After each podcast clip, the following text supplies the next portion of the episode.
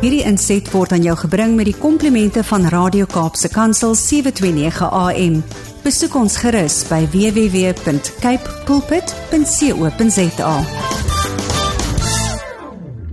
Dag sien weer almal. Dis lekker tyd om oor gestremdheid sake saam te gesels. Ek is Erika de Tooy.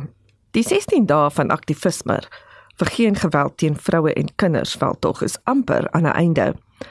So dit is miskien toepaslik om oor die verwerking van trauma te besin.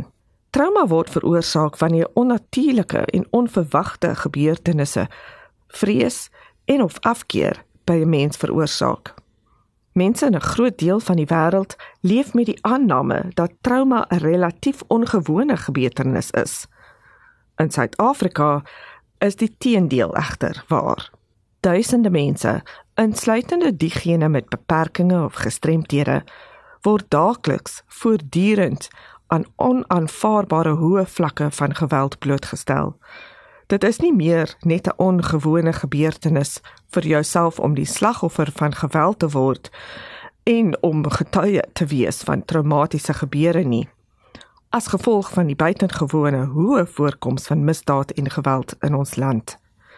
Die graad van trauma en of die tydperk wat die slagoffer aan die trauma onderwerp is, is bepalende faktore van die simptome en prognose wat deur die slagoffer ervaar sal word. Die behandeling van 'n slagoffer van verkrachting byvoorbeeld sal verskil van die behandeling wat nodig is deur 'n verkrachtingsslagoffer wat op dieselfde tyd fisies gemartel is. Toegediende trauma, byvoorbeeld verkrachting, Trauma as gevolg van natuurrampe of blootstelling aan herhaalde trauma soos seksuele molestering lei dikwels tot 'n toestand genaamd posttraumatiese stressindroom. In Engels is dit post-traumatic stress syndrome. Dit sal terugflitsse, kompulsiewe, angstige gedagtes rakende ge die gebeurtenis, ontkenning, wisselvallige emosionele buie en of vermydingsgedrag behels. Psigiaters skat dat tot 10% van die bevolking deur klinies diagnoseerbare PTSD geraak is. Nog meer toon slegs sommige simptome van die stering. Terwyl daar vroeër gedink is dat dit meestal 'n verstoring was van oorlogsveterane wat by swaar gevegte betrokke is, weet navorsers nou dat PTSD enigiemand kan beïnvloed wat by 'n beduidende traumatiese gebeurtenis betrokke was. Gedurende die eerste maand na 'n voorval is 'n stabiele ondersteuningsstelsel van die uiterste belang. Volgens terapeute word posttraumatiese stresversteuring normaalweg gediagnoseer wanneer die simptome langer as 'n maand aanhou. Psigiaters en ander mediese spesialiste het goeie sukses in die behandeling van die werklike gevolge van PTSD. Deur 'n verskeidenheid behandelingsmetodes te gebruik, help hulle mense wat aan PTSD ly om deur al trauma en pyn te werk om al uitgedrukte hartseer op te los. Dit is belangrik om sag te wees met jouself en om jouself tyd te gee om te genees. Om 'n trauma te oorleef, stres beide die gees en die liggaam. En 'n persoon wat 'n trauma oorleef het, kan nie verwag om onmiddellik na die trauma te funksioneer soos hulle normaalweg doen nie. En dit is nie 'n goeie tyd om dan belangrike besluite te neem nie. Terapeute kan miskien gesinsterapie aanbeveel, aangesien dit die gedrag van die gade en kinders kan beïnvloed.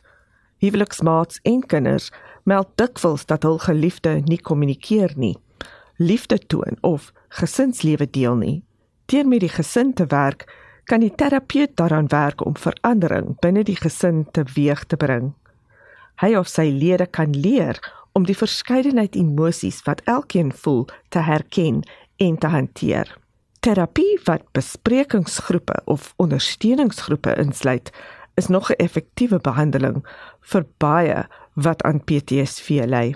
Hierdie metode moedig oorlewendes van soortgelyke traumatiese gebeurtenisse aan om hul ervarings en reaksies daarop te deel. Sodoende help groeplede mekaar om te besef dat baie mense dieselfde ding sou gedoen het en dieselfde emosies sou ervaar het. Dit help die individu op sy beurt om te besef dat hy of sy nie uniek, onwaardig of skuldig is nie. Met verloop van tyd verander individue hul opinies van hulself en ander en kan 'n nuwe siening van die wêreld bou en 'n positiewe sin van self herdefinieer. Traumaberading is nog 'n effektiewe manier om die ervaring te hanteer. Die persoon kan vir individuele sessies gaan waar hy of sy deur die ervaring kan praat en deur die pynlike gevoelens soos woede, hartseer en skuld kan werk. Maniere om die simptome te hanteer kan ondersoek word. 'n Persoon wat hulp soek vir emosionele uitdagings moet altyd die terapeut inlig oor enige traumatiese ervarings.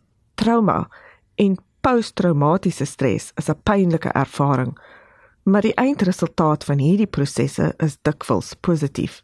Die persoon wat dit ervaar het, groei geestelik en emosioneel sterker en sal baie graag 'n verskil in sy of haar samelewing wil maak. Met 'n sterk ondersteuningssisteem kan die individu 'n nuwe en verhoogde waardering vir die lewe ontwikkel.